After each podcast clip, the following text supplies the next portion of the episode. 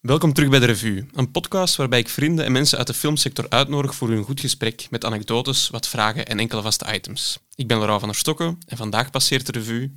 Arne Normon. Hey, dag Arne. Hallo, dag Laurent.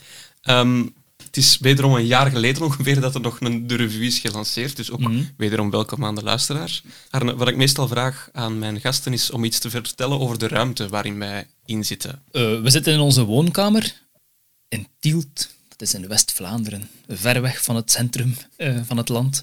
Eh, en het is een, eh, een woonkamer in een oud gebouw, een oude hoeve, hoeveke, en naast de kerstboom. Ik hoop dat je die ook hoort. We hadden bijna de kerstboom moeten uittrekken om de podcastset in te steken, maar er was een triplet. Ja, gelukkig, gelukkig. We hebben er net nog eentje gevonden hier om de hoek. dus het is geregeld. Aan de motor op mijn auto te zien eh, was het wel een ritje naar hier. Eh, maar voilà, kijk, we zijn hier. Arne, ehm, stel u zelf anders kort eens voor aan de luisteraar, voor wie u niet kent. Ik ben eh, Arne. Ik ben intussen 36 jaar of zo, denk ik. Ehm, en ik doe special effects voor film en tv. Naast de professionele activiteiten ben ik ook intussen papa van twee, waarvan de laatste amper zes weken oud is. Nogmaals proficiat. Gisteren was dat trouwens, ja. Bedankt, bedankt daarvoor. Ehm voilà, en dat is het zo op, ik eigenlijk. Ça va wel. En, eh, en vertel eens hoe dat wij elkaar hebben leren kennen. Van waar kennen wij elkaar eigenlijk? Ehm, wij kennen elkaar van set, lijkt mij. Ik vermoed van eh, de boys van eh A-Team Productions. Ehm, ik weet niet meer, Patser wellicht eh, al. In ieder geval Torpedo ook. Ik weet niet of dat we elkaar daarvoor ook al hadden ontmoet. Hadden, we, hadden onze wegen op Blak al gekruist? Wellicht, wij Ja, hebben ook op Black gestaan, dus ja, eh, excuseer, mijn geheugen is eh, eh, zwangerschapsdementie, uh, dat schijnt. hè. Als de vrouw dat mag gebruiken, mag ik dat ook. Ehm, inderdaad, Black zal, zullen we elkaar ook al hebben gezien, ongetwijfeld. Ehm, dan stel ik voor dat wij gewoon meteen overgaan naar ons eerste item van de podcast. Eh, dat heb ik er nog niet bij gezegd, Arne. Ehm, elk segmentje van de podcast heeft geen jingle. Mhm. Dus ik vraag altijd aan mijn gasten van ter plekke, zonder voorbereiding, een jingle te bedenken voor nostalgie. En eh, jouw tijd gaat nu in voor een jingle voor nostalgie. Nostalgie.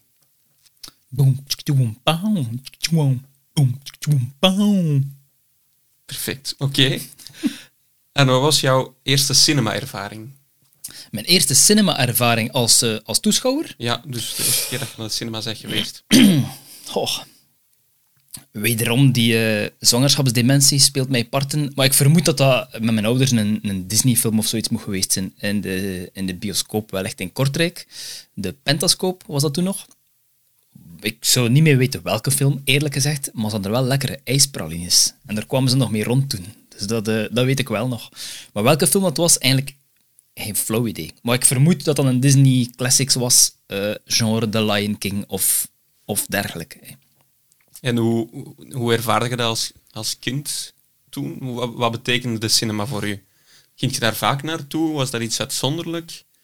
We gingen dat goh, vaak zou ik niet noemen, we gingen wel regelmatig naartoe. Ehm, niet elke week of zo, hè, maar een paar keer per jaar. Drie, vier, vijf keer, weet ik veel. Ehm, met de ouders. En dat was voornamelijk gezellig met de ouders. Het is niet zo dat ik toen... Ah, toch niet dat ik, dat ik me kan herinneren, toch niet dat ik weet, dat blijven hangen is. Het is niet zo dat ik toen ehm, iets had van, oh wauw, cinema, dat wil ik gaan doen later. Eigenlijk niet. Nee. Maar het is wel zo dat natuurlijk, ja, die cinema, die ervaring, je zit daar als, als kleine natuurlijk, dat komt wel binnen. Eh, het is iets anders dan een, een VHS-cassette eh, op de tv. Dus dat is wel blijven plakken, maar niet... Ik kan niet zeggen dat daar het zaadje is geplant of zo, dat, dat niet, vrees ik, nee. Is er een moment dan in, in je jeugd dat je daar actiever u zij van bewust geworden van ah ja, hierachter zit een regisseur en een cameraman, eh, heel dat... Goh, ehm, ja, dat is natuurlijk gebeurd, ja. Natuurlijk gebeurt dat, dat je bewust van wordt van, oh, die maakt dat niet alleen precies, het is niet echt. Hè. Maar op zich, ik ben oorspronkelijk ook aan het reeds begonnen om documentaire te willen gaan doen. Dus dat is ook iets helemaal anders dan wat ik nu doe, daar niet van. Maar dus op zich is het niet noodzakelijk de... En ik ken niks tegen die magie van de cinema, maar het is niet noodzakelijk die magie van de cinema die mij heeft... ehm, die mij warm gemaakt heeft om in de sector te gaan werken of zo. eigenlijk niet. Ik ben, die documentaire was ik heel erg geïnter- geïnteresseerd. Eh, het journalistieke gedeelte ook ervan. En toen, eh, en toen, eh, toen heeft het universum er anders over beslist. toen ben ik toch geen documentaire gaan doen. Ehm, toen ben ik ook gestopt met Rits trouwens, ergens halfweg. En toen ben ik professioneel beginnen knutselen of zo. en dat was de cinema natuurlijk wel de plek om dat te doen. Allee, Ja. ja. superhandig. eh, altijd iets anders, altijd iets nieuws. Dus dat lijkt mij, eh, of dat leek mij toen, en dat lijkt mij nog steeds, de ideale optie. Ja. Om als knutselaar professional te worden of zo. En hoe zet je dan met documentaire origineel terechtgekomen? Dat was wel eh, interesse. Interesse in vooral dat journalistieke ook.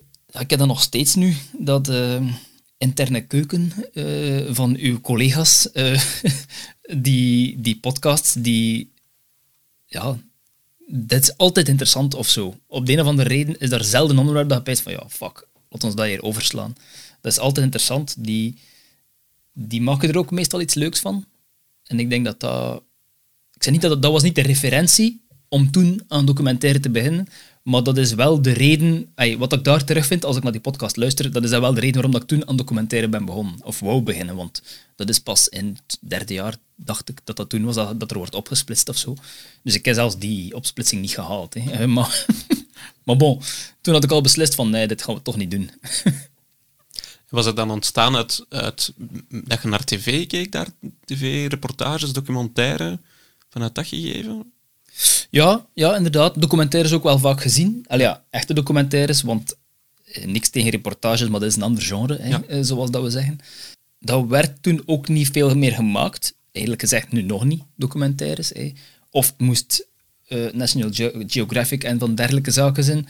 Ook al wordt er daar heel veel eh, aangekocht en, en verbelgist of zo. Heel veel van die documentaires zijn niet, worden niet hier gemaakt, natuurlijk. Maar dus origineel, ehm, de docus waar je toen mee in contact kwam, die Ja, voilà. was meer een, een, een gezag, een, een gat in België voor documentaire, dat je... Ja, niet noodzakelijk een gat, maar het, het, ook dat, dat, dat engagement erachter, dat was ook de, de hoogdagen, denk ik, van de Michael Moore en zo verder. Ja. Dus dat, dat was toen wel iets. Allee, ja, nu nog, hè, maar bon. Misschien is het intussen ook al over zijn hoogtepunt, eh, ik weet het niet. Maar, het, eh, dat was toen wel...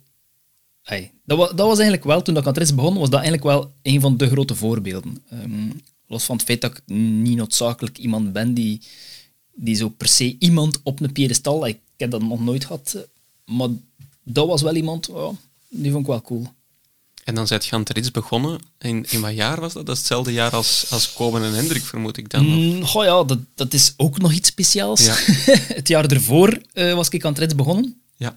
Ehm, mijn eerste jaar gedaan.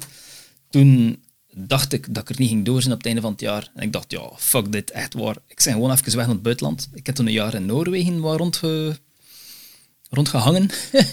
Ehm, en daarna, want ik was er eigenlijk toch door, bleek. Maar ik had toen al alles geregeld in Noorwegen. Ik dacht, bon, eh, het is nu gefixt, we gaan toch. En toen kwam ik terug het jaar daarna. En, eh, en toen zaten Koben en Hendrik inderdaad ook in het tweede jaar. Dus, eh, en toen ben ik die tegen het lijf gelopen, zeker. Hè. en toen is de miserie begonnen. En we er, ervaren toen het rits, hoe was dat, die school toen? Goh, ik heb gezien dat ook Bert Bijens gepasseerd is eh, in, Ja. de, in de revue. En ehm goh, pff, het kan niet zijn dat ik dat super hard van onder de indruk was of zoiets van het rits, eerlijk gezegd. Ehm, ja, ik heb wel interessante vakken gehad, maar dat waren...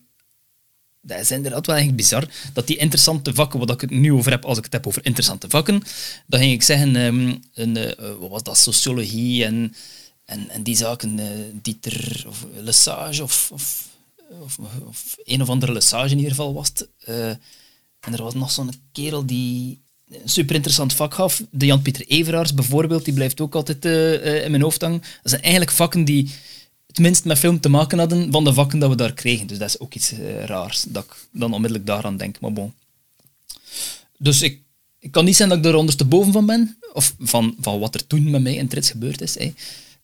Maar aan de andere kant is dat wel de plaats waar dat ik iedereen in de sector, die toen nog in de sector moest komen, hè, die ik wel daar leer kennen natuurlijk. Dus dat is, op die manier is dat wel de grote ja, deur geweest, of, eh, ehm, of lift, om, om, om in de film te gaan werken natuurlijk. En dan uiteindelijk gestopt met het rit. Ja, Wat toen in dat eh, tweede jaar, wat dat dus eh, voor degenen die met mij in het eerste jaar begonnen waren, een derde jaar was, whatever, nou wat rondzwervingen, eh, toen ben ik daarmee gestopt, rond januari, basic. Just na, ik heb nog die examens meegedaan, denk ik, en toen in januari gestopt, dacht ik van ja, dit, dit gaat hem toch niet worden. Ik ga geen regisseur worden. Dat, dat gaat niet gaan.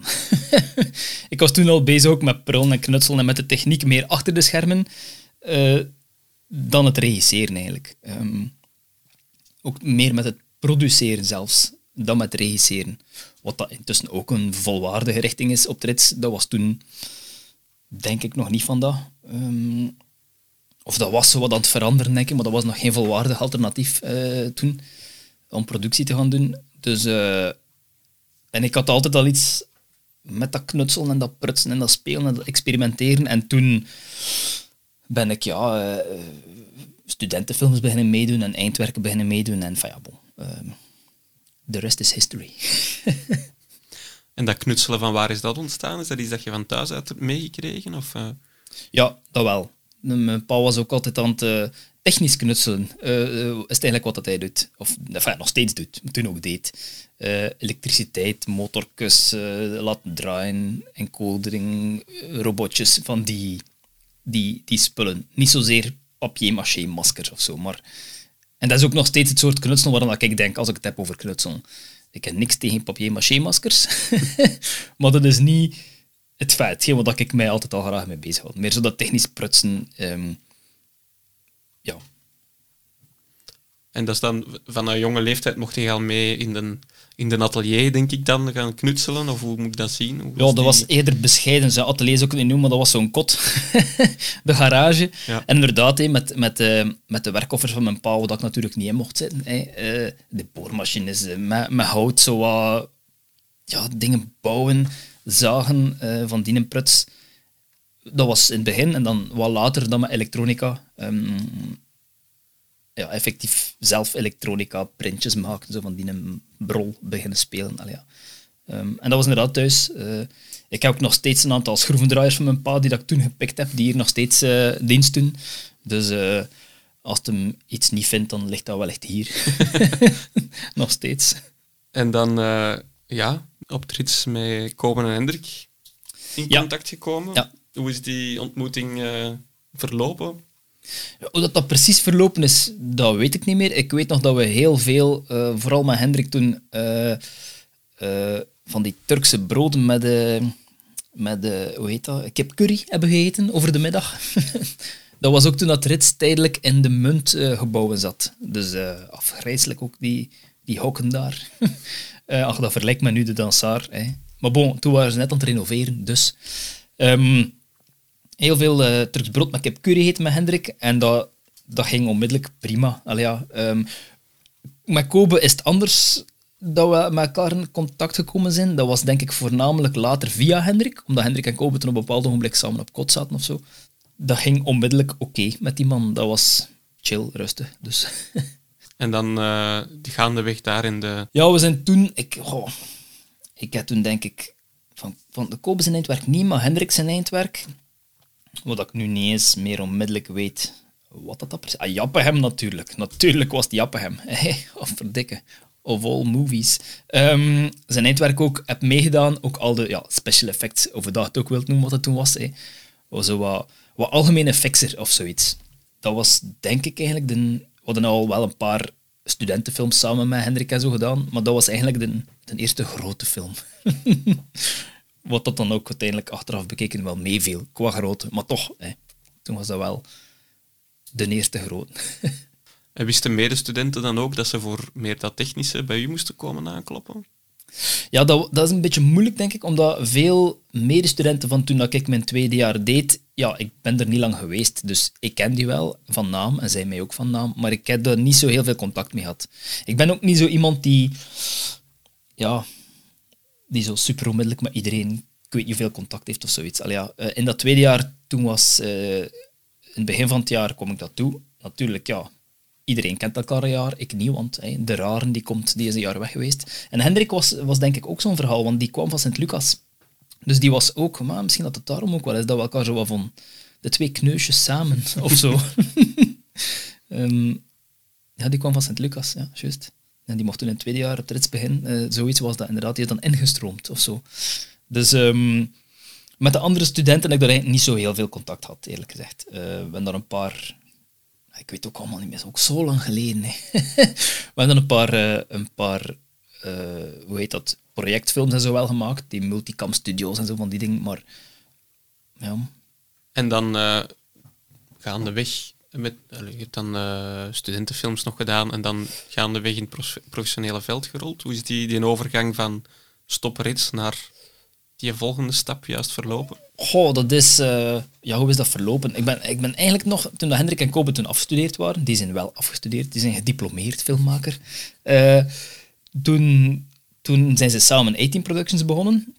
Toen ben ik daar ook nog even bij geweest. Dus we zijn eigenlijk met ons drie begonnen dat heeft niet zo lang geduurd. Ik weet niet of dat na een half jaar of na een jaar of een jaar en een half was. Ik weet het niet onmiddellijk. Ben ik er ook weer uitgegaan. Het idee was van ja, we hebben een productiehuis en ook voor special effects kunnen bij ons terecht. Ja, dat is natuurlijk een beetje raar. Waarom zou de mensen of iWorks naar een ander productiehuis bellen daarvoor? Dat was een beetje bizar dat we dat ooit gedacht hadden dat dat ging marcheren. Maar bon, tot daar aan toe. um, ja, en hoe gaat dat? Dat gaat gaandeweg. Bon, uh, beginnen bij het begin. Studentenfilms. En dan uh, deed ook terug Hendrik, uh, was line producer op Vermist. En ik denk dat Vermist eigenlijk de, een van de eerste echte sets waren of zo, dat ik, uh, dat ik heb gedaan. Als SFX dan. Ja.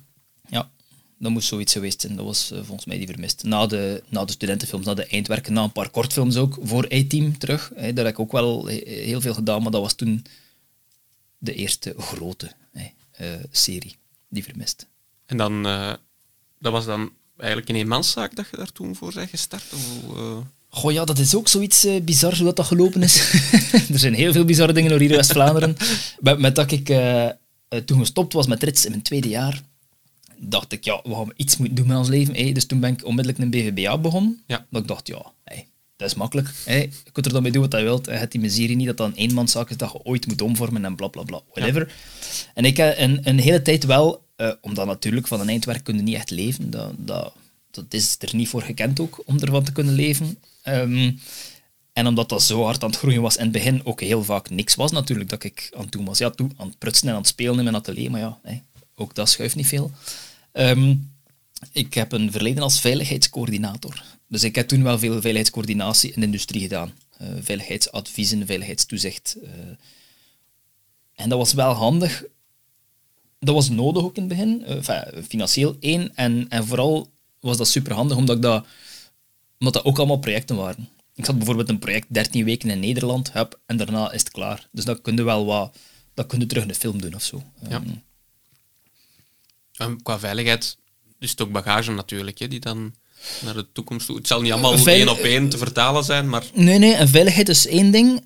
De, de technische dingen die je ziet, op die industriële sites, dat waren geen particuliere woningen. Dat was echt... Uh, ik heb in de staalindustrie in, uh, in Gent rondgelopen en zo, um, om daar uh, met grote teams echt wel grote projecten te doen. Wat dat super was, want je ziet superveel. Al ja, ik heb daar geleerd hoe dat industrieel verhuizen werkt en hoe dat je machines van 100 ton verzet en zo. Dat heb ik dat wel gezien. Dus op, in die manier is dat wel niet één op één handig voor de film, want dat doen we natuurlijk niet in de film, zo'n ding, maar wel technisch bagage wat kan er, wat is er mogelijk, welke materialen bestaan er, hoe kun je iets bouwen, hoe kun je iets oplossen, hoe kun je iets verzetten. Wat moet je dat noemen? Zo van die, van die meta-informatie of zoiets. Ik denk dat ik niet veel dingen één op één heb kunnen gebruiken, ze daar niet van. Maar wel veel dingen zien. Van, ah, ze doen dat zo. En vroeg of laat denkt je dan, ah, we hebben dat nodig. En dan is dat wel superhandig. Hetzelfde met materiaalkennis bijvoorbeeld. Hè. Dat is denk ik de helft van, de, van onze job als SFX dat is weten wie dat moet bellen en weten wat de opties zijn. Kun je iets in metaal, in plastic, en dit of in dat. Er is niet een cursus van drie dagen en je kunt dat. Dat bestaat natuurlijk niet. En op die manier denk ik dat die bagage wel super interessant is geweest. Al ja. En daar is de trein. Ook die passeert hier in Tielt. Ja, niet vaak. en dan, wanneer is dat punt gekomen dat je de omslag naar volledig film moet kunnen maken? Weet je dat nog? Of dat rond een bepaald project was? Of een... Goh, dat is een uh, supergoeie vraag. misschien had ik het toch wel moeten voorbereiden. nee, ik ben ook... Ik, ik, ik weet dat echt niet. Als ik denk, was dat 2005 of 9 of 3... Ik weet dat niet. Ik ben in 2012 getrouwd. Het was ervoor. ik weet het niet. Nee, het was... De, de, de, al bij al is dat vrij snel gekomen. Ze.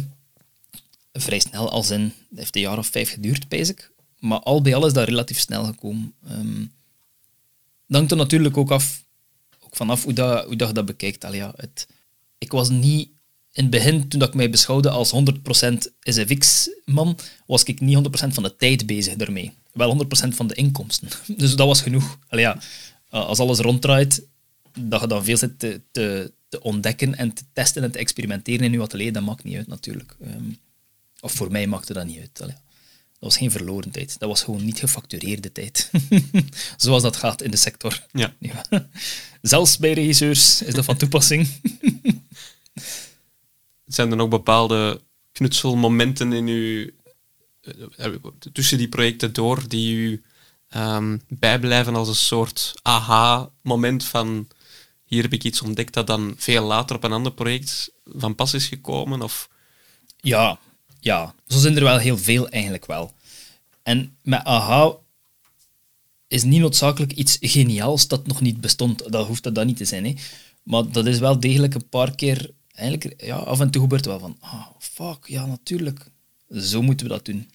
En eigenlijk valt dat dan eens in de plooi. Want dat is een beetje het ding. Er bestaan een aantal SFX-boeken van voornamelijk Hollywood-goeroes. ook niet veel, zijn maar bon. Er zijn er tien, of zo, ik zeg maar iets, eh, die, die dat iedereen in de SFX wel kent en zo. Daar staan meestal technieken in die dat ze 40 jaar geleden gebruikten. Uh, de, de, de matte paintings en dat weet ik veel. Allemaal superleuk, maar ja, niemand, niemand doet dat nog natuurlijk tegenwoordig bijna niemand doet dat nog. Hè. Het, uh, het, het zelf leren en het zelf ontwikkelen en zelf ontdekken, dat ik altijd het leukste gevonden. En, en dat zijn er wel heel vaak dingen die, dat we, die dat we nu, nu nog gebruiken, die dat inderdaad dat we tien jaar geleden bedachten van, ah, zo moeten we dat doen. En niet noodzakelijk zelf uitgevonden ook, maar van die dingen dat je van, of, of je ziet daar eens iets en, ah, tju, dat is geniaal, dat gaan we ook zo doen. Heb een voorbeeld van zo'n een, een experiment dat je toen gedaan hebt, uh, van een inkijk in hoe dat, dat zou verlopen? Ik ben aan het nadenken eventjes. Er is een, uh, een van de voorbeeldjes is, een, als je mist wilt maken in een bos, hè, dan leggen we zo'n een, een, een plastieke worst. We blazen die op met een ventilator en je blaast er rook in en je maakt gaatjes en dat is diffuus en verspreid. Hè. Ik heb dat niet zelf uitgevonden, nee, verre van. Maar de eerste keer toen ik dat zag, dat was in Engeland, dacht ik, dat ik, op, dat ik een stage, aan, stage niet, maar een opleiding voor pyrotechniek aan het volgen was. En ik, ik zag het daar, ik dacht, fuck, hoe geniaal is dat? Zelf niet uitgevonden, daar niet van. Maar sinds tien hebben we natuurlijk elke dag, enfin elke dag niet, maar iedere keer als we set gaan doen met, met, met rook en diffuus en een veld, is dat natuurlijk dat dat we gebruiken. Ja, ze moet stom zijn om iets anders te gebruiken. Dus dat is daar een voorbeeld van. En zelf uitgevonden dingen Vaak eh, zelf uitgevonden is moeilijk, maar vaak zelf heruitgevonden of zoiets. Een, uh, bijvoorbeeld, maar dat is ook oldschool, dat doen ze nu ook niet meer. Uh, een van die grote goeroes uit Hollywood is de Matthew Sweeney. Die heeft zelfs een paar Oscars, denk ik, gehad voor zijn SFX-baanbrekend werk. En die had op een bepaald ogenblik de Sweeney Gun. En dat zijn van die paintballballetjes eigenlijk, waar dat er stof in zit of een vonkje in zit en je schiet die af op de muur, paf, paf, paf. En je moet geen impact maken en er is een stofje, dus het idee van, oh, er wordt geschoten. Ehm, vroeger werd dat met een speciaal uh, wapen dat die mensen gemaakt hebben. Dat kostte, weet ik veel, 16 dollar of zo. Of, ik weet het niet. Waanzinnig veel geld. Dat was natuurlijk niet mogelijk, want ja, hoe zou ik, eh, 15 jaar geleden, dat, dat bestond niet, dat we dat konden betalen. En toen, ja, ik kon het ook gewoon met een paintballmarker doen en diezelfde dingen afschieten.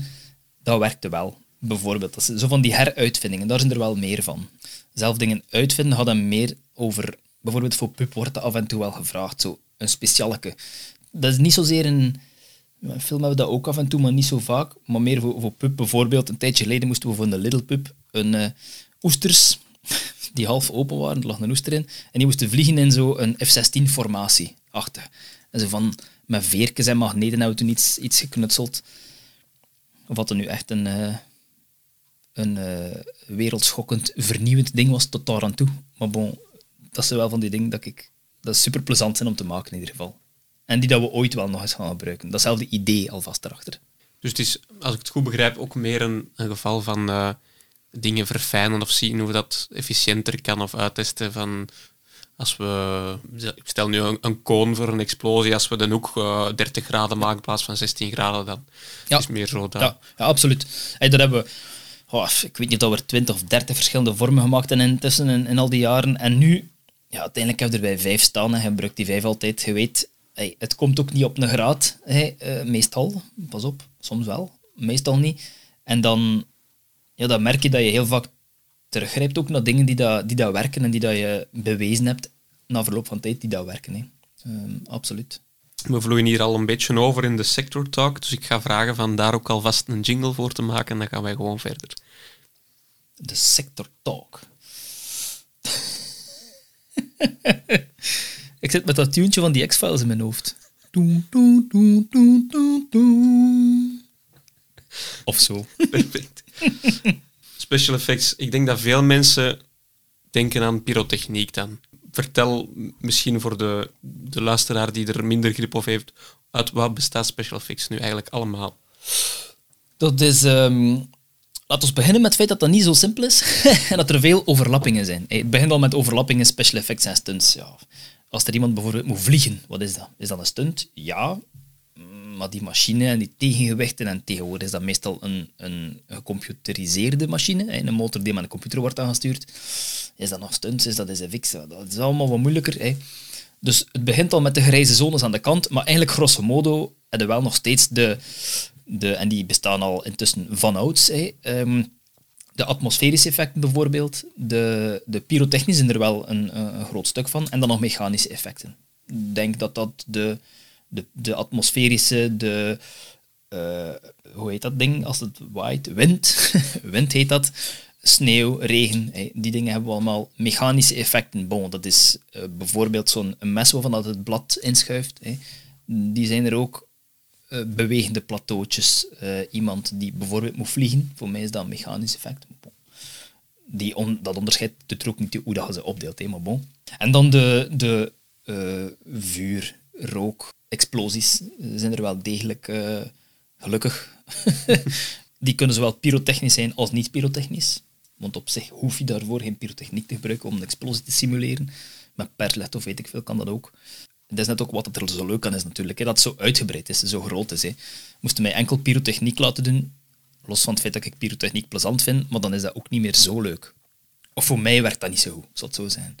En ik merk dat ik vaker naar die mechanische effecten ga omdat daar ook weer dat, dat experimenteren, dat maken, hè, dat zit daar wel meer in. Regen maakte ook, maar bon, dat is een machine uiteindelijk die dat geïnstalleerd en zet. En je moet die wel weten hoe dat die werkt, maar dat is niet, hoe moet dat noemen, ja, niks uitvinden of zo. Hè. Dus het, misschien het problem solven is dan nog het meest uitdagende Ja, ja, voor mij wel. Er is, een, er is een probleem, of er is een ding dat we moeten kunnen doen. Die oesters die moeten vliegen, stoems. Uh, hoe gaan we dat doen? Dat vind ik het leukste eraan. En vroeger, maar dat is met dat, dit te maken met dat heruitvinden. Op zich, een regenmachine, ja, je weet wat dat nodig hebt. Hè. Je hebt water nodig, je hebt een buis nodig, je moet dat op hoogte brengen en je moet dat daar doen ver, versproeien. Je moet daar druppels van krijgen. Dat dat geen straal is of dat dat geen waterval is. En vroeger heb ik ook veel tijd gestoken in, ja, gaan we die nozzel proberen, of die sproeikop, of een dien, of een dien. Ja, intussen weten we dat wel, wat dat werkt en wat dat niet werkt. Dus dat is zo wat dat heruitvinden. Er is niet een cursus dat je volgt van een week, waar ze zeggen, ah, je moet de nozzel 1, 2 en 3 gebruiken daarvoor, en dan is het klaar. Dat is er niet. Wat dan met veel zaken in de sector zo is natuurlijk. Hè. En in dat, op, op dat, dat opzicht is denk ik het, het uitvinden of het problem solven, het probleem regen, hoe krijgen we dat daar, hoe gaan we die machine maken, dat hebben we wel al dat klinkt zo wat snobbish, maar dat hebben we al gehad. Allee, ja, bedoel, daar, zijn we, daar zijn we gepasseerd. Dus een aantal van die dingen zijn effectief gepasseerd. We weten dat dat marcheert, we kunnen dat comfortabel. En op zich zijn net die dingen die iets minder comfortabel zijn of zo, voor mij interessanter. Ook soms lastiger, maar wel interessanter. Als we het dan nog even uh, hebben over de noemer special effects, in welke mate staan jullie mee in voor visual effects? Is daar een soort wisselwerking ook nog op set of is dat echt wel gescheiden? Ja, dat was, dat was vroeger in ieder geval veel meer gescheiden dan nu. Ja. Vroeger was dat echt... Allee, ja.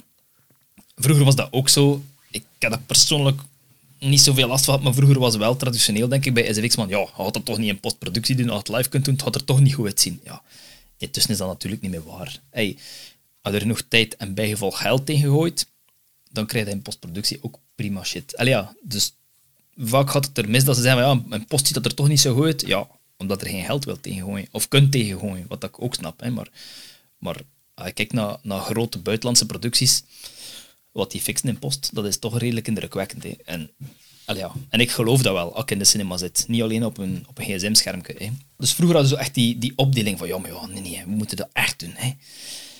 En de laatste jaren merken we wel dat daar, dat, dat verandert. Dat meer en meer zien we ook VFX-mannen opzet. Gelukkig, want anders is altijd een, een klassieker is van ah, het, het brandt en we gaan wat vuur bijsteken in post.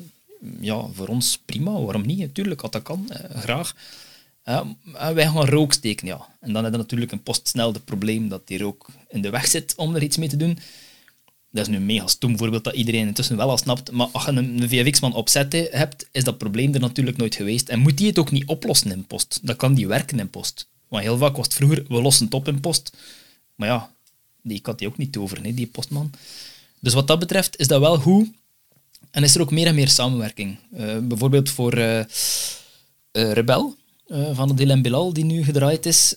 Tijdens de breakdown ook, zat er iemand van, van, van postproductie bij. Die zei van, ja, dat is, dat is goed voor ons, of mm, dat liever niet. En ook voor, ook voor ons is dat handig. Hè? Van, ja, wat wilde? Moeten we daar rekening mee houden of niet?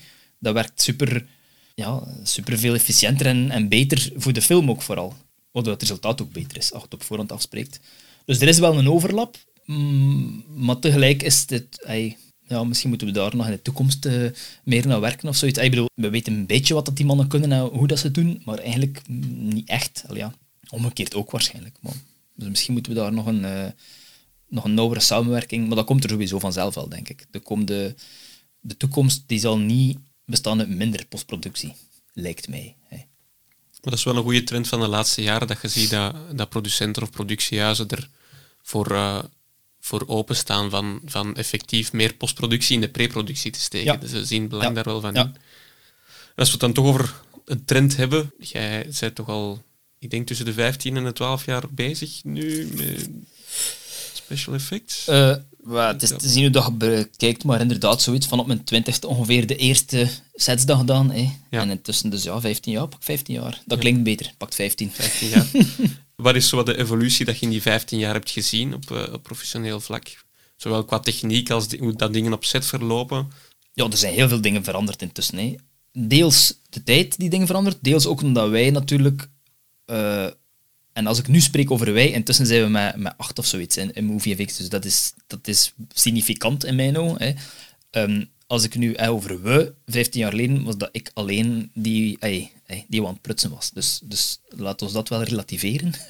dus het is deels de tijd die dingen veranderd heeft, maar ook deels wij die natuurlijk veel professioneler geworden zijn. Ah ja, dof is. Ik bedoel, helemaal in het begin was dat met een kabeltje dat je een bommetje liet afgaan. Ja, tegenwoordig doen we dat allemaal draadloos en getriggerd met weet ik veel wat. Ey, met, infrarood of met lasersensoren. Als er iemand doorloopt van stunts. Ey, dat is wel, wel veel veranderd. Deels is dat denk ik de tijd, maar zeker. En ook wij die natuurlijk professioneler worden. Het algemeen is de film in België denk ik professioneler geworden dan dat hem 15 jaar geleden was. Er wordt meer gemaakt, er worden groter dingen gemaakt, er zit ook meer geld in. Dat dankt er nog wat vanaf, maar in zijn globaliteit zit er meer geld in in ieder geval. Dus die sector is wel, is wel veranderd.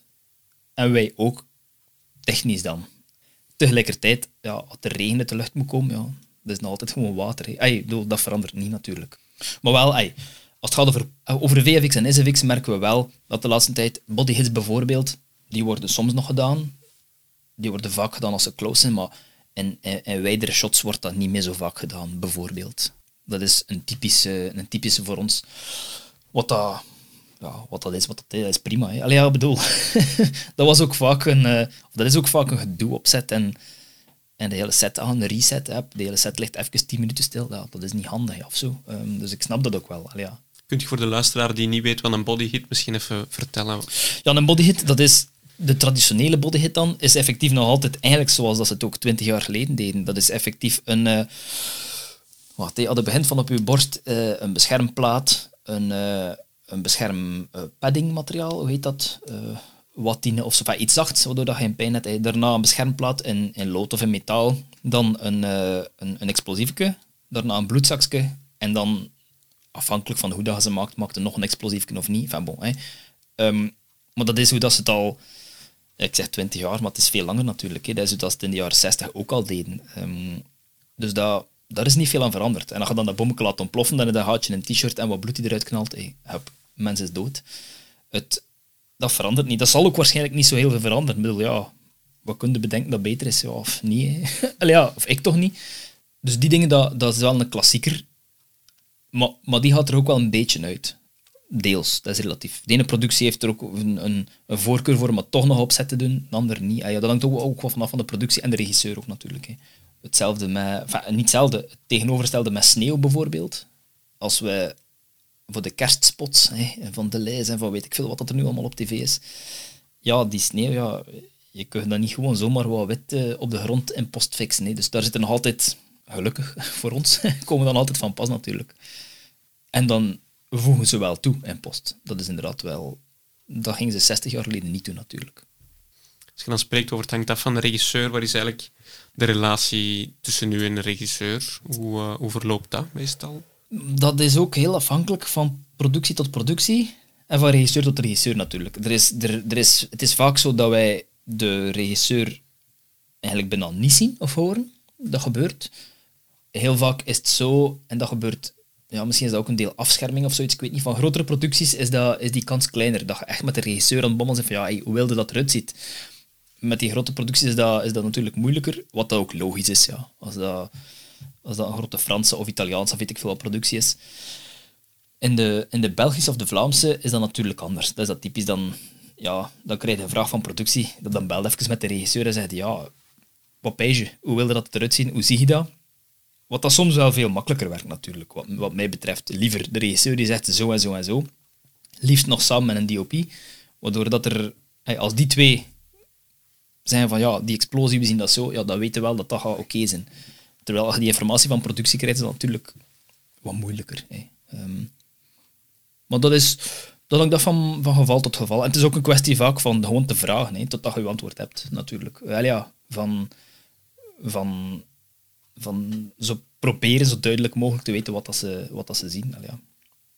Je hebt het ook al aangehaald, en met een DOP zit daar dan... Dat, ik vermoed dat dat dan misschien toch een nauwere samenwerking is dan ook?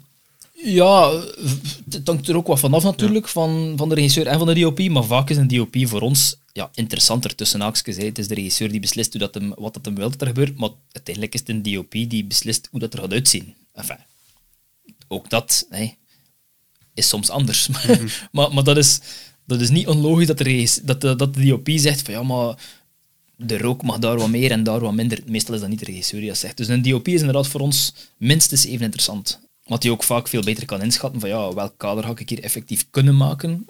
Het is niet omdat je, omdat je met je ogen niet ziet dat het er effectief ook gaat uitzien. Heel veel regisseurs zijn daar ook bedreven in, maar een aantal ook totaal niet. Dat hangt er, dat hangt er super hard vanaf. Uh. Je zegt uh, nu Movie FX bestaan ondertussen uit acht personen. Hoe is dat juist gegroeid? Ik weet dat Thomas er dan is bijgekomen? Ja, Vertel misschien wel heel lang geleden, toen de dieren nog spraken, was ik alleen. Ja. En uh, ja, dat is niet zo handig natuurlijk. op zich is dat wel handig. maar als dat een grotere set is, kun je dat natuurlijk niet doen. Dat gaat niet. Je kunt niet alles alleen doen op set. Als je rook moet maken in een bos, dat gaat dat niet alleen natuurlijk. En uh, Thomas, uh, die was ook bezig met film, vooral met festivals en met pyrotechniek. Thomas is eigenlijk de, veel meer dan ik, de pyrotechniek specialist. Um, zeker als het over productkennis gaat, uh, verschillende kleuren van vonkjes bijvoorbeeld, een elektriciteitskast die knal zegt, ja, dan denk ik, ah, oké, okay, Saval, we gaan er een vonkje. Maar Thomas is, wilde dat dat wat witter is, wat meer goud, wat meer zilver. Ja, die, die is daar veel meer in thuis dan ik. Uh, en toen zijn Thomas en ik elkaar tegengekomen. En ja, eigenlijk ja, raar en niet raar, maar bon, wij zaten op tien minuten van elkaar of zoiets. Dus dat is raar dat we elkaar niet vroeger al ontmoet hadden. Maar bon, toch is het, uh, zo lang geduurd tot een jaar of ja, was dat intussen zin? Eh, een jaar of acht geleden of zoiets, denk ik, dat we echt beginnen samenwerken zijn. En toen onder de, onder de naam MovieFX, al ja, samen de filmmarkt hebben bediend, zoals dat heet. In businesstermen. Wat dan niet noodzakelijk mijn sterkste kant is, die businesstermen, maar toch. en toen, zijn we, en toen is het wel, toen zijn we wel, wel sneller en, gegroeid en groter geworden. Ja, zoals dat logisch is ook natuurlijk. Hè. Ja. Ik had die eerste stap gezet. Dus, uh, in het begin deden wij ook bijna geen buitenlandse producties. Of het waren kleintjes. Ay, tegenwoordig doen we, doen we die Netflix-series, die Franse Netflix-series, die, die Italiaanse. We zitten nu met twee Italiaanse projecten die, ay, die serieuze films zijn. Allee, ja, bedoel, die ook over grotere budgetten beschikken dan de Belgische film, wat dat ook wel een voordeel is natuurlijk. Ook een nadeel tegelijk, maar bon. Dus inderdaad, samen met Thomas en, uh, en toen zijn er een aantal mensen bijgekomen, die vroeger een aantal freelancers die dan vast in dienst beginnen komen zijn. En, uh, en, en dat bleef precies maar groeien, dat team. Hoe ervaart je dat verschil tussen Belgische en buitenlandse producties, dat je toch aanhaalt? Goh, dat is zo wat... Elke, elk nadeel heeft zijn voordeel, of wat was het? Maar het, uh, het coole aan die buitenlandse producties is bijvoorbeeld dat ze budget hebben. Tegelijkertijd is dat ook soms het nadeel, want dat wordt zoveel meer gepalaverd en gezeverd dan op, dan op Vlaamse producties. Op een Vlaamse productie, zeker tv, ja, er wordt niet veel tijd verscheten. Hè. Ik bedoel, wat gaan we doen? Meestal zit de, de eerste meeting of de eerste keer dat je hoort van een project, is er al met de regisseur gepraat over, kijk, we willen dat zo en zo en zo is. In Grond bijvoorbeeld, dat is nu al geëerd, dacht ik. Dat is uitgezonden. Um, zit er een, een, explosie in. Ja, het was snel duidelijk hoe dat er moet uitzien. Wat kan, wat niet. Hè? Kunnen we dat zo groot maken? Gaan we een, een cabine wegschieten? Nee, dat gaat niet, want budget. Er is zo wel veel minder, veel minder gedoe over, waardoor dat wel vaak efficiënter is. In preproductie dan, qua meetings en qua afspraken. Die grotere projecten is nog altijd een neiging, maar misschien is dat ook omdat wij maar kleine Vlamingen zijn, maar om er wat meer kak aan. Zo. Wat dat ook oké is, natuurlijk, daar niet van. En het voordeel ervan is natuurlijk dat je niet moet inhouden, dat ook vaak grotere projecten zijn, dat dat met tien man staat, ja, dan is dat soms wel handiger dan dat je op een Vlaamse set, shit, shit, nog snel, hè, eigenlijk een man tekort mee hebt, want dat ging niet meer qua budget, zo van die dingen. Ja. Ik ga misschien even in de, in de, terug in de tijd springen. Ehm, zou er tips zijn die dat je aan je jongeren zelf had willen geven, 15 jaar geleden, als je begon? Goh. Blijven spelen, jongen. of zo. Nee, ik weet het niet, ik kan niet echt. Zijn er tips die je misschien hebt voor uh, filmstudenten die verder willen gaan in, in special effects? Dat is moeilijk, maar, maar ik zei niet dat het niet kan. Hè. Pas op, het kan absoluut. Uh, uiteindelijk hebben we dat ook gedaan. Neem contact op met ons. Zo de eerste zin die dat ik zeg. Allee, ja, je kunt ook alles opnieuw, zoals dat wij gedaan en uh, of zoals dat ik gedaan heb vooral. Ik heb dat zo ervaren. De logische stap zou zijn geweest om bij iemand die SFX doet te gaan werken of te gaan leren op zijn minst. Ik heb dat niet gedaan. Bon, of dat slim is of niet, totaal en toe. Ik heb daar geen spijt van. Wellicht was het sneller gegaan als ik dat wel gedaan had. Maar bon. Afhankelijk van of dat die student die daarin wil verder gaan het uh, op de een of de andere manier wil doen, kan het sneller als hij contact opneemt met ons. maar je kunt ook nog steeds zelf uitvogelen. Allee, ja, afhankelijk van wat technische bagage en technische kennis, maar veel dingen die dat we doen zijn, zijn, ja, zijn niet onmogelijk of zo. Allee, ja, ik bedoel, een, het is allemaal te doen. ja, van, ik heb zo de indruk dat van alle filmdepartementen dat, dat special effects zo nog het meest lijkt op een ambacht dat wordt doorgegeven op een of andere manier. Voor de meeste departementen, dus uh, haakjes, zijn er rechtstreeks of onrechtstreekse opleidingen voor. Mhm. Maar special effects lijkt zo dat dat is ook, en dat, ik denk dat dat uh, grotendeels in België komt, omdat er, ook, omdat er ook geen markt voor is. Ik bedoel, hey, geen markt voor, jawel, wij, MovieFX doet het goed en is gelukkig en is prima, maar de, ik weet niet hoeveel uh, elektro's dat er zijn, maar er zijn er een hoop. We hebben er veel nodig ook, zo simpel is dat. Ja, SFX, ja, hoeveel heb je er nodig? Ja, bedoel, niet veel natuurlijk. Hè. Dat is, ja, dat is zo. Dus ik denk dat het daardoor is dat, die, dat er hier inderdaad geen opleidingen of zoiets voor zijn. Zijn er bepaalde anekdotes van, uh, van projecten die je door de jaren heen gedaan hebt, die je bij zijn gebleven, die je met de luisteraar wilt delen? Goh, het is een legio. er zijn veel, veel heel leuke ja, anekdotes weet ik niet, maar herinneringen in ieder geval. In ieder geval wel.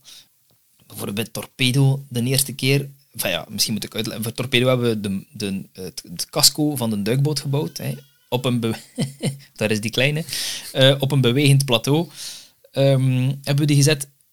Ja, de eerste keer, s'avonds rond een uur of zes, zeven of weet ik veel, als iedereen zoveel mogelijk weg was, dat we dat ding hebben zien bewegen, ja, dat is... In het, eh, in het licht van het universum stelt dat niet zoveel voor. Maar voor mij was dat wel iets van, haha, fuck yeah, dat staat hier toch maar goed. Dus er zijn veel van die leuke herinneringen. Ook met het team dan. Hè.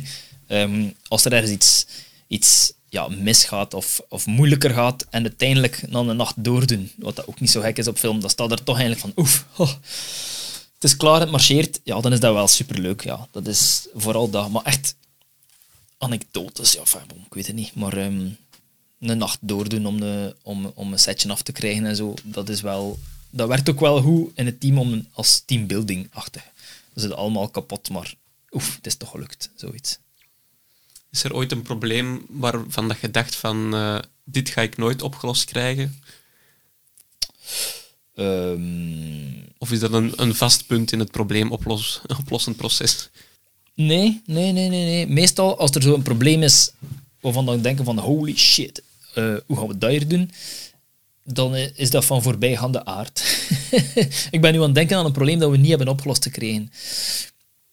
En er zijn er wel zo, dingen die dat we niet hebben opgelost te krijgen, maar ja, dan verzinnen iets anders, waardoor dat het toch lukt. Ah, een klein beetje anders en bijna even goed is, maar toch eigenlijk hetzelfde is of zo. Dat wel, maar nu niet dat dat, niet dat, dat niet dat we een set hebben moeten verlaten of dat we moeten zeggen van ja jongens, jammer, we gaan morgen nog eens moeten terugkeren of zo. Dat hebben we gelukkig nog niet gehad. Gelukkig, want het kan wel natuurlijk hè, op zich. Als het erg genoeg is dat gebeurt, dan is dat zo. Maar dat hebben we gelukkig nog niet gehad. Gelukkig. Is er zo'n een, eh, een eigen visie of een filosofie dat je vasthangt aan dat probleemoplossend denken? Of de manier dat jullie aan special effects doen? Ja, maar dat is dan persoonlijk, dat is niet van Movie maar dat is van mij. Maar dat dat... Nee, eigenlijk niet. Ik heb, daar geen, ik heb daar eigenlijk niet speciaal een visie over of zoiets. Dat is wat dat is. En dat je er staat. En wij, wij hebben nog op set gestaan. Hè. We, we, bijvoorbeeld, a- anekdotisch, nu komen we erop. Hè. Het geheugen werkt toch nog, haha, met dat ik die kleine hoor in de verte, eh, die zwangerschapsdimensie verdwijnt als sneeuw voor de zon. We moesten een, ehm, een explosie met vuurbal maken, denk ik, eh, in, sla me dood, in Chaudfontein, denk ik dat was. En we komen daartoe en we halen alles uit, we hebben geen gas mee. Redelijk achterlijk natuurlijk, dat je geen gas mee hebt. Ja, bon, wat doe je dan? Gaat dat gas gaan kopen in, in de lokaal tankstation. Ze hebben dan nog zes flessen staan, je pakt die alle zes mee en klaar is Kees. De productie heeft er geen last van gehad. We waren netjes op tijd, waardoor dat ook de timing er geen last van gehad heeft. Dat zijn van die... Dat is, ja, dat is niks met visie te maken of zoiets, maar dan denk ik van, ah, dat, dat was niet slim van ons.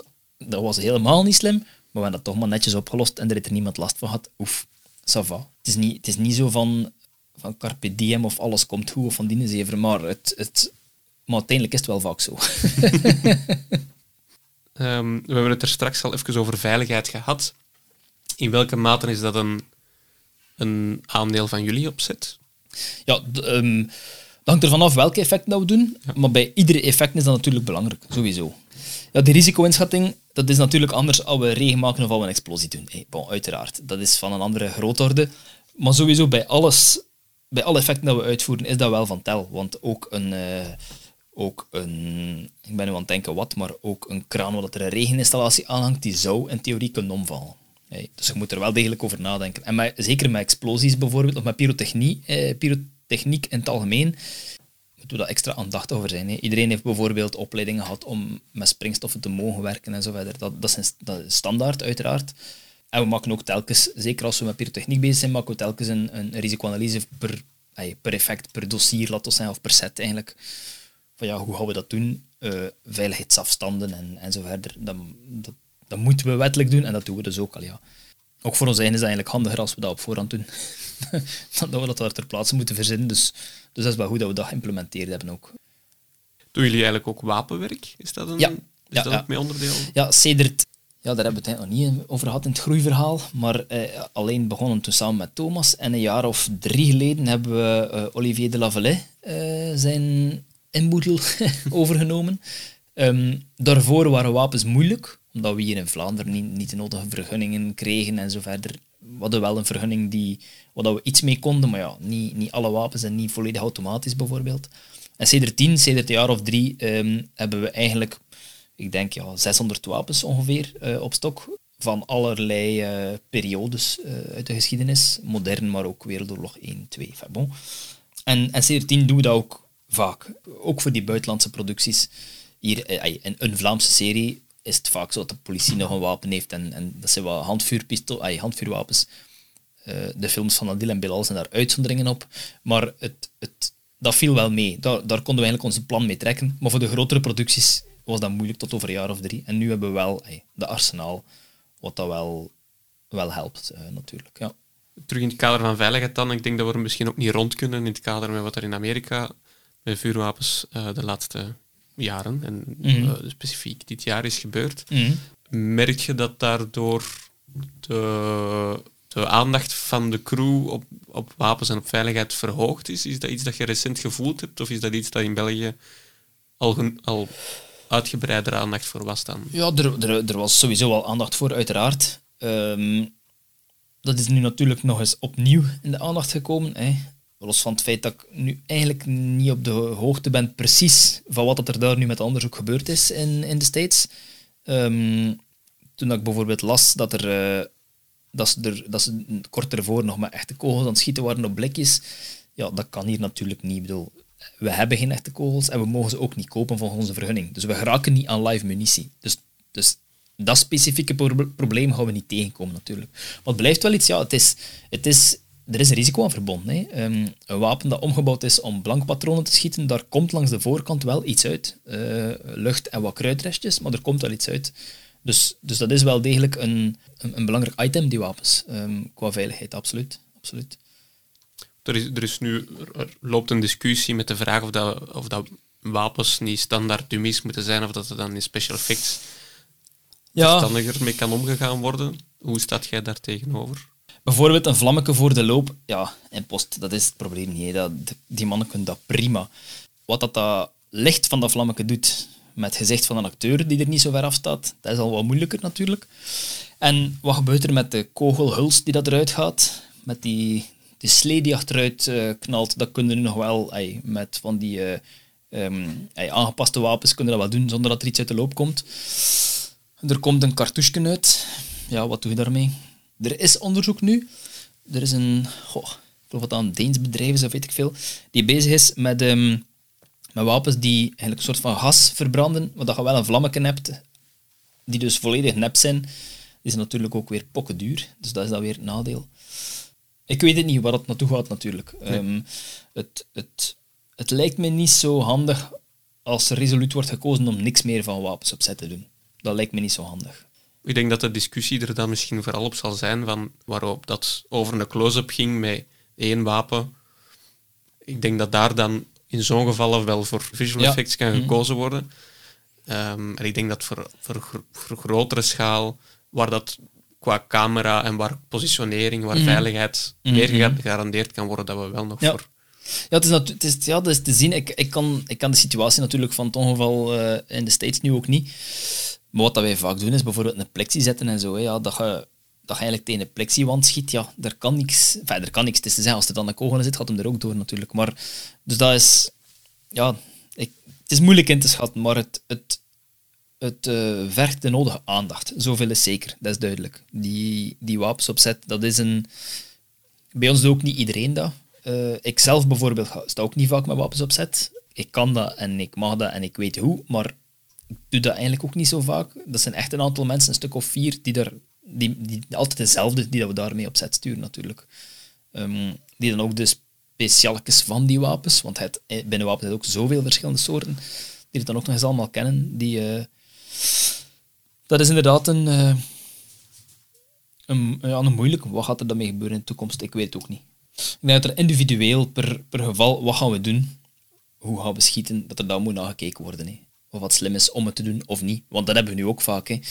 Um, we hadden onlangs een situatie in een auto waar er iemand op een andere wou schieten. Ja, je dat in die auto doet, dat komt niet goed. Ik bedoel, ah ja, dat gaat niet. Het was voor de trailer van De Slimste Mens. En toen we toekwamen en je ziet die concrete situatie, ja, dan, dan besliste van, ja, sorry, maar dat gaat niet. We gaan dat hier niet doen, hè. Dat, dat kan niet.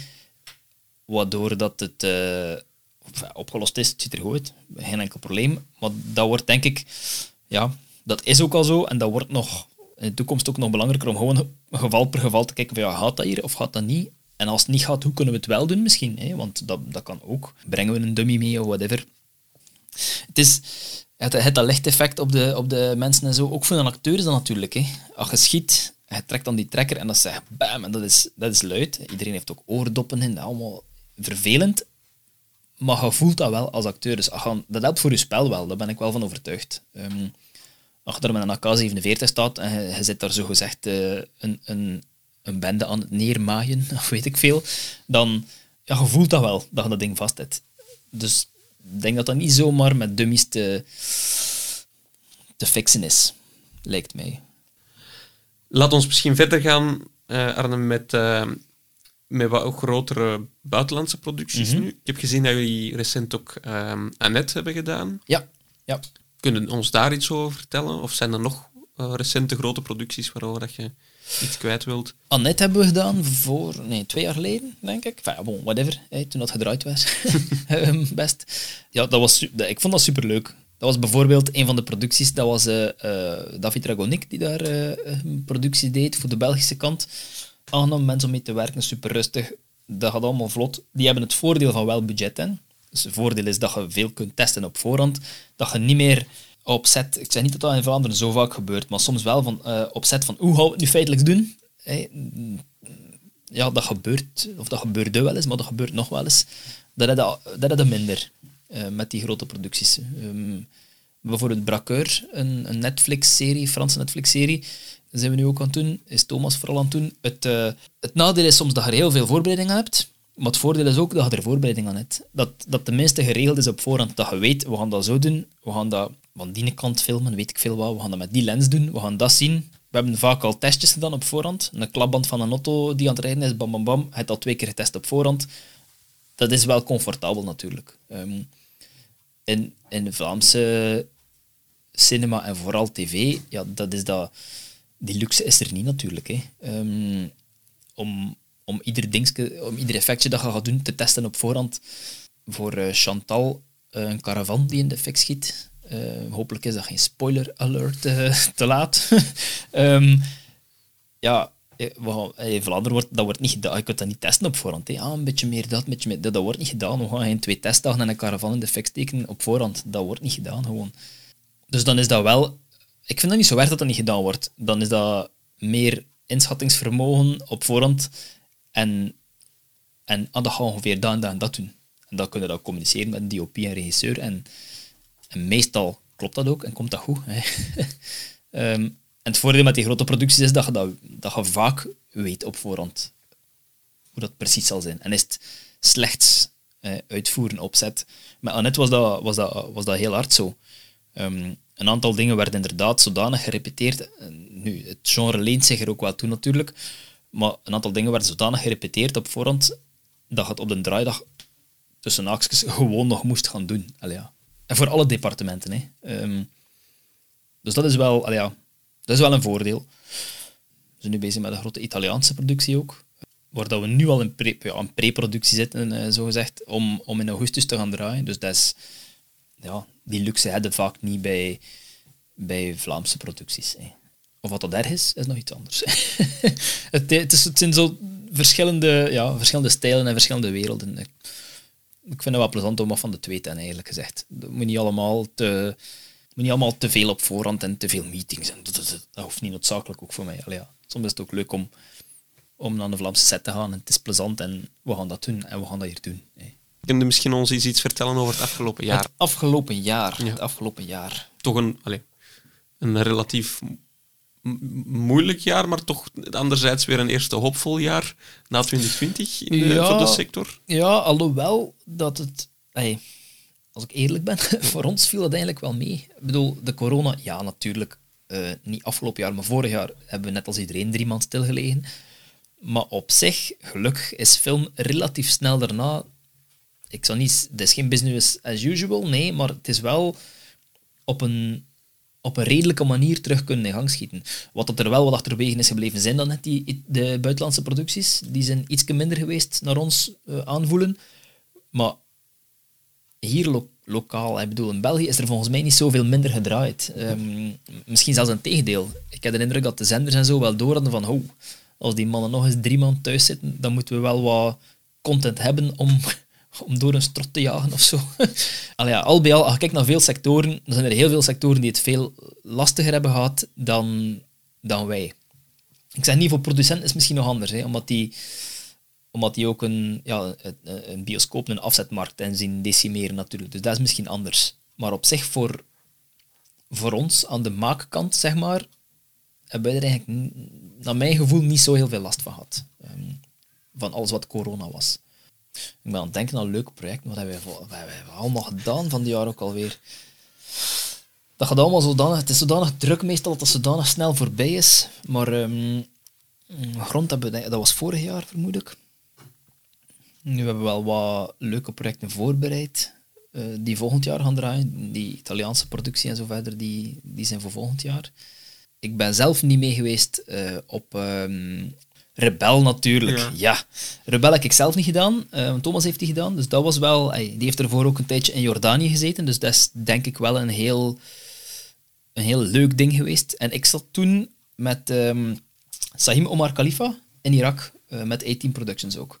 En ik heb er blijkbaar heel lang moeten op nadenken, maar, maar dat was wel een heel erg leuke ervaring. Ik weet nog dat ik vooral vroeger dacht, ja, Irak, uh, niet zoveel zin om naar een, uh, naar een oorlogsgebied te gaan. Nu, een keer dat het toekomt, ik heb er niks van gemerkt. Super vriendelijke mensen, totaal geen onveilig gevoel of weet ik veel wat had. Uh, ja, een hele leuke ervaring. Ja, absoluut. Ik ben er ook maar drie weken geweest. Hè. Ehm, dus het is niet dat ik er zo super lang gezeten heb. Maar dat was bij. Uh, het is um, Baghdad Messi. Oh man. Baghdad Messi heet de film uh, die dat we daar gaan draaien zijn. Van Simon Mar Khalifa. Heeft hij ook al een kortfilm van gemaakt een paar jaar geleden. En nu wordt eigenlijk de langspeler gemaakt. door 18 Productions, toevallig. En um, ik weet nog dat ik toen. Toen is mij ook gevraagd van ja, hadden, hadden die mee uh, naar Irak? En ik dacht, ja, naar Irak. Kijk, hier een vrouw en kind laat maar jong, zijn die zot. Um, en intussen is er wel wat tijd gepasseerd ook, maar waarschijnlijk als, uh, als uh, traditionele bevooroordeelde westerling dacht ik effectief van daar in de, in de woestijn, in een oorlogsgebied of zoiets terecht te komen. natuurlijk, dat is geland daar in een stad die, die anders is dan onze steden, daar niet van, maar die, die zeker niet moet onderdoen. Uh, ja, totaal geen onveilig gevoel had. Ook op straat. Ik, weet, ik dacht nog, de eerste, de, de eerste dag dat ik er was, s'avonds, ging ik nog vragen van ja, kun je naar de stad of kun je buiten komen? Ja, weet ik het. Of moet je hier tussen die vier muur blijven zitten? Is, is het oké? En achteraf, achteraf aan denkt bij ze, allerlei idioot. Ik, ik kun dan natuurlijk gewoon rondlopen. Dat zijn er ook maar mensen die daar, uh, die daar rondlopen in de stad. Allee. Dus dat is wel, ja, achteraf denk ik dan van ja, hoe, hoe bekrompen of zoiets uh, konden zijn. Maar enfin, dat was echt super, ja, super. En ik hoop ook dat het resultaat zal goed zijn natuurlijk van de film. Um, dat was met uh, Anton, Anton Mertens als DOP. Er is toch veel, uh, veel afgezien voor die film, denk ik. Allee, ja, ik, zei, ik ben er maar drie weken geweest. twee weken, een half of drie weken, weet ik veel. Die mannen hebben daar een heel pak meer weken gezeten. Wel af te zien natuurlijk. Het was, het was zomer, het was er verschrikkelijk warm. dus die, echt waar, chapeau, die, die hebben daar wel wat uitgestoken. Waarschijnlijk ook super goede herinneringen aan overhouden. Dat is dan het voordeel natuurlijk. Dat zo wat kampgevoel is, hè? dat je met z'n allen uh, op scoutskamp zit of zo. Dat is een productie om uh, een volgend jaar waarschijnlijk naar uit te kijken. Ik denk dat wel, denk dat wel. Allee, ja, um, ik verwacht van wel. Zijn, zijn kortfilm van, van Sahim was ook, eh, was ook goed. Zijn vorige kortfilms ook. Dus ik ga er wel vanuit dat dat een, dat dat een, een interessante film wordt voor volgend jaar. Ik weet niet wanneer dat die gereleased wordt. Geen flauw idee van. Misschien weet niemand dat op dit moment al, maar bon.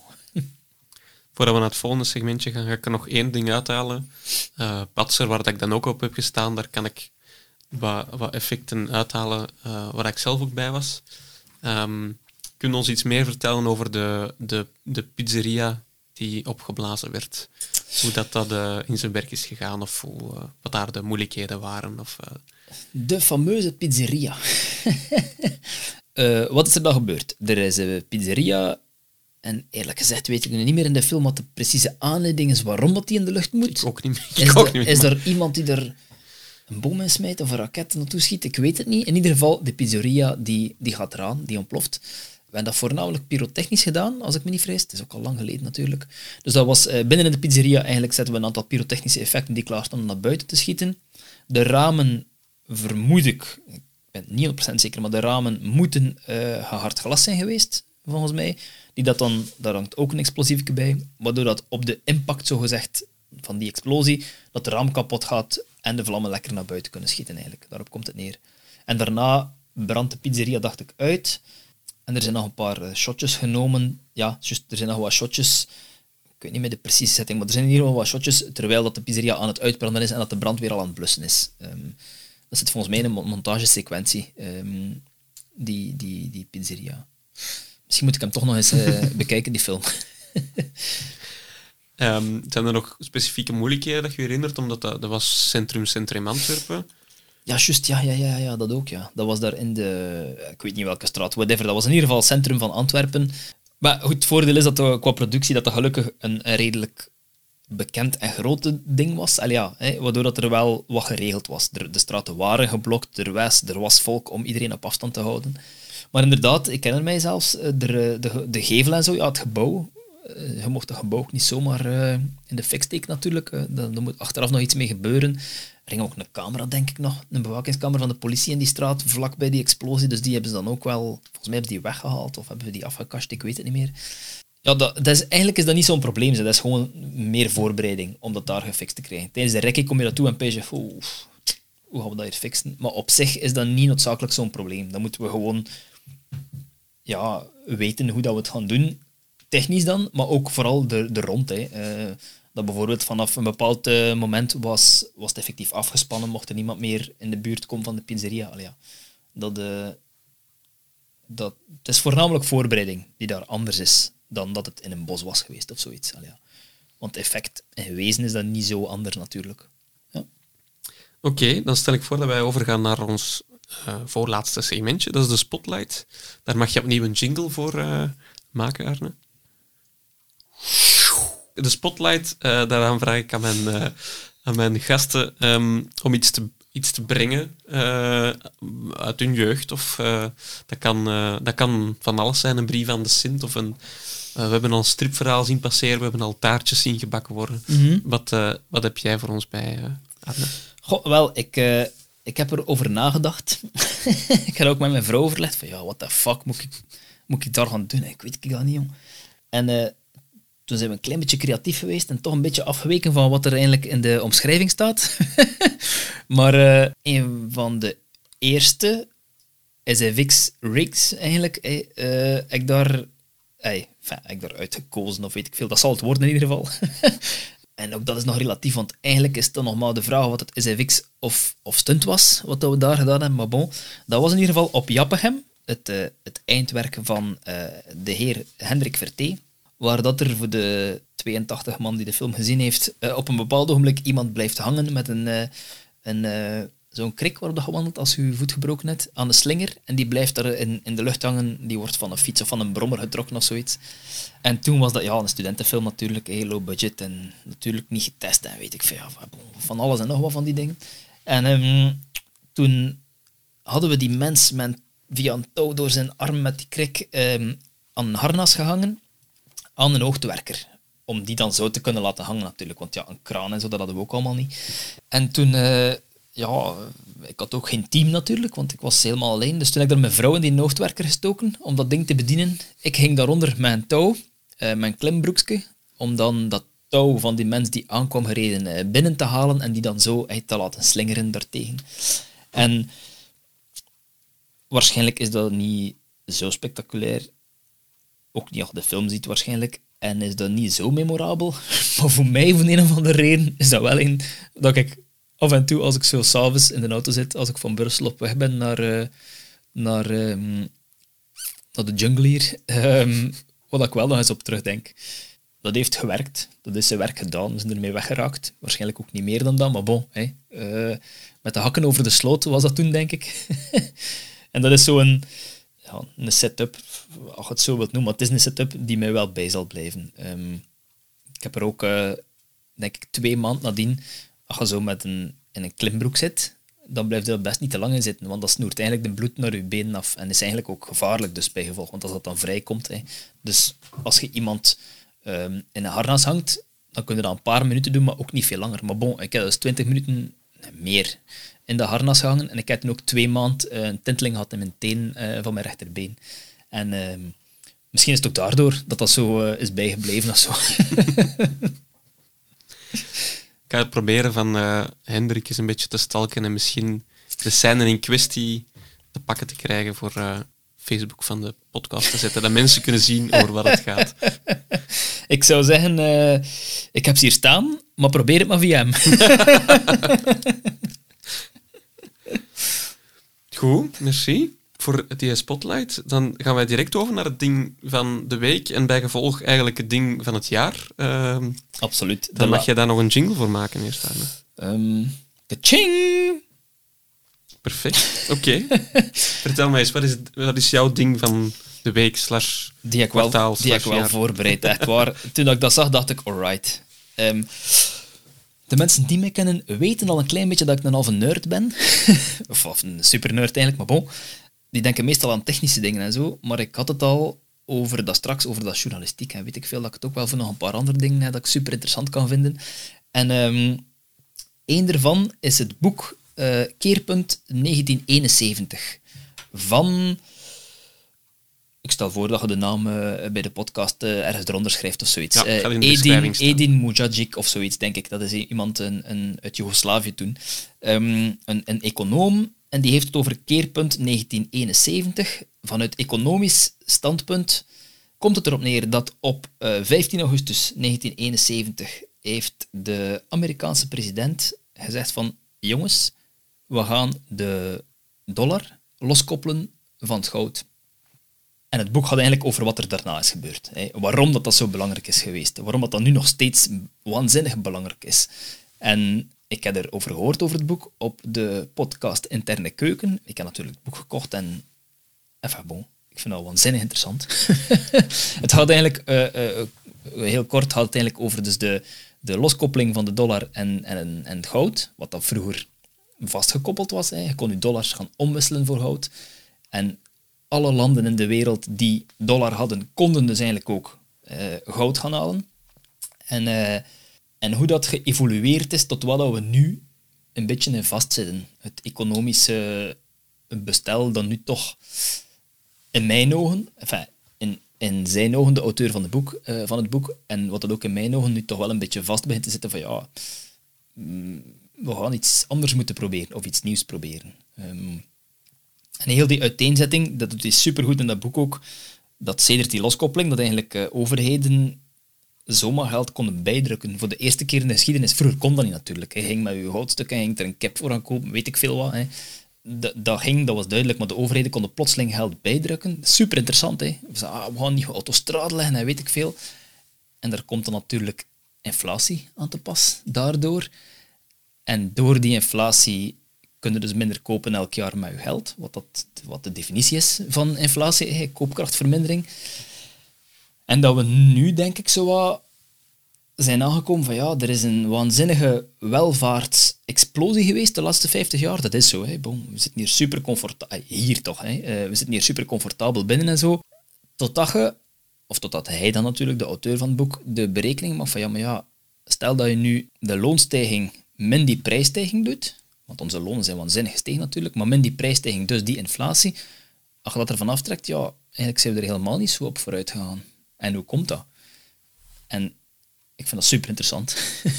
dat is economie, wat ik sowieso interessant vind, maar dat is ook, ook sociologie natuurlijk. Hè, van, um, mensen hebben het stilletjes aan door van hm, er klopt hier precies toch iets niet. Of zo.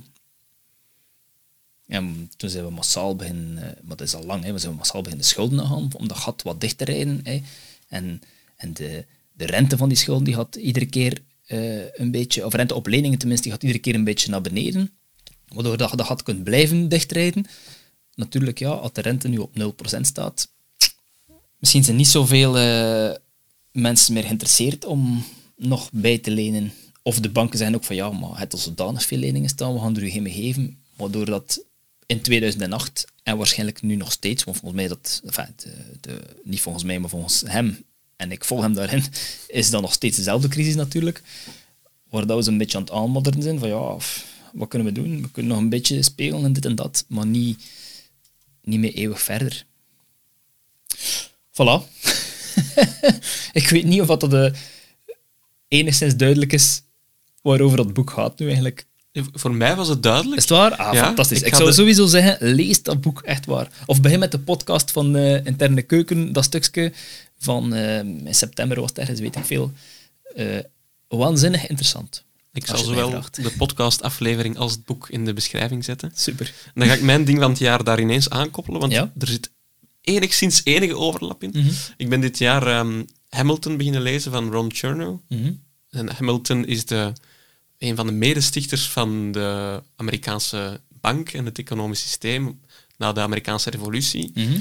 Ehm, dus als je wilt te weten komen, meer wilt te weten komen over het leven van Hamilton, uh, wat dat in de laatste paar jaar heel populair is geraakt door de, de musical ook over zijn leven. Moest je daar meer over willen weten, lees dan zeker het boek Hamilton van Ron Chernow. En dan ontdek je meteen ook hoe de dollar initieel aan het goud is gekoppeld geraakt. Ah. En dan kun je in het boek van uh, Arne aanraad uh, meteen ontdekken hoe het losgekoppeld geraakt. Ja, dat is eigenlijk fantastisch toch, het bruggetje. Hè? Ja. Toch? Ah ja, zo subliem. Nee, ik, vind dat, ik vind dat waanzinnig interessant, die, die economische geschiedenis. Um, in het middelbaar heb ik ook uh, economie gedaan. En die macro-economie was, is natuurlijk ook de interessantste wat mij betreft uh, aan de economie. Dat is eigenlijk ook gewoon sociologie, maar dan met wat geld er tegen gevoefeld. Dus dat is waanzinnig interessant. je krijgt zelfs een, uh, een, een microversie daarvan, van het geld bijdrukken en inflatie enzovoort.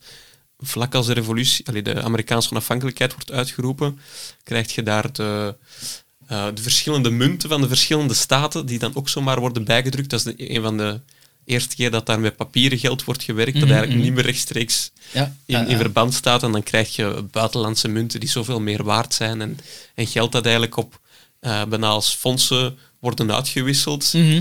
die dan... Ja, bon, het is een heel complex systeem. Te moeilijk om, voor mij om hier nu uit te leggen. Uh, maar het is heel boeiend om te ontdekken in dat boek ook. En ik, ik, sta nu, ik heb dit jaar ook enkele dagen freelance gestaan op kanaal Z, op de, economische nieuws. Super. Dus ik uh, ben er uh, nog in ondergedompeld ook op dat vlak. Ja, ja ik, ik merk dat ook dat ik vaak, als we nu hebben over guilty pleasures, ik kan al Z staat hier inderdaad vaak op. Als ik hier uh, whatever aan het doen ben, hè. niet dat ik constant zit te kijken of zoiets, maar dat, is super interessant. Hè. Dat is super interessant uiteindelijk komt er heel veel daarop neer, op die economie. Hè. Of dat je dat nu wilt of niet, of wat dat nu terecht is of niet terecht, maar, de vaststelling is dat, zo, dat wel daarop neerkomt, op die economie, heel veel zaken. En wat dat betreft is het boek 1971, Keerpunt 1971 super interessant, omdat volgens de auteur, en volgens mij heeft hem gelijk, dat je ziet gewoon nu, je kanaal Z open doet of een krant openslaat, dat zes op de tien artikels eigenlijk rechtstreeks of onrechtstreeks, maar vaak zelfs relatief rechtstreeks verband houden met die loskoppeling van de dollar en goud. Al die al de problemen die er nu zijn over, over banken die negatieve rente willen, dat is uiteindelijk het verlengen van datzelfde proces. Hè. Rente lager en lager en lager. We kunnen niet meer lager, negatief. Maar mensen kunnen dat niet doen, want die gaan hun geld gaan afhalen. En er is niks in de plaats van dat geld, want het staat er niet eens. Zijn die, zijn die niet liggen in de kluis of zo? Dus waar het dan naartoe moet, het wordt nog spannend. Arne, waar kunnen mensen jou of MovieFX vinden online? Op uh, bijvoorbeeld moviefx.be. Dat is een, uh, een heel goed aanknopingspunt, zou, zou ik zeggen. Daar vind je ook e-mailadressen en zo. Dat is echt waanzin. Tegenwoordig hebben we ook social media die ik zelf uh, niet gebruik en niet ken, maar uh, die ongetwijfeld als linkje bij de podcast zullen komen staan. Uh, ik geloof dat er een Instagram is en zo verder. Wow, en dat moet denk ik volstaan om ons te vinden, eigenlijk, eerlijk gezegd. Hadden we dan uh, na dit economische ja. ommewekketje ga ik het niet noemen, want het hoort er absoluut bij, maar economische toevoeging, zo ga ik het dan noemen, Mhm. ga ik je hierbij afronden. Dan, dan bedank ik jou voor mij hier zo warm te ontvangen in Tielt. En dan, voilà, dan nemen wij hierbij afscheid. Dat is heel graag gedaan. Ik zou zeggen, een, een fijn eindejaar. waarschijnlijk wordt die niet meer gemonteerd, morgen zeker. Nee, waarschijnlijk niet morgen. Nee. Ah, ja, ja. Dat is jammer dan. Een, een, een fijn begin van dit jaar dan. Als we even in de toekomst kijken. Ça va. Oké, okay, merci. En Graag gedaan. Salutjes. Yo.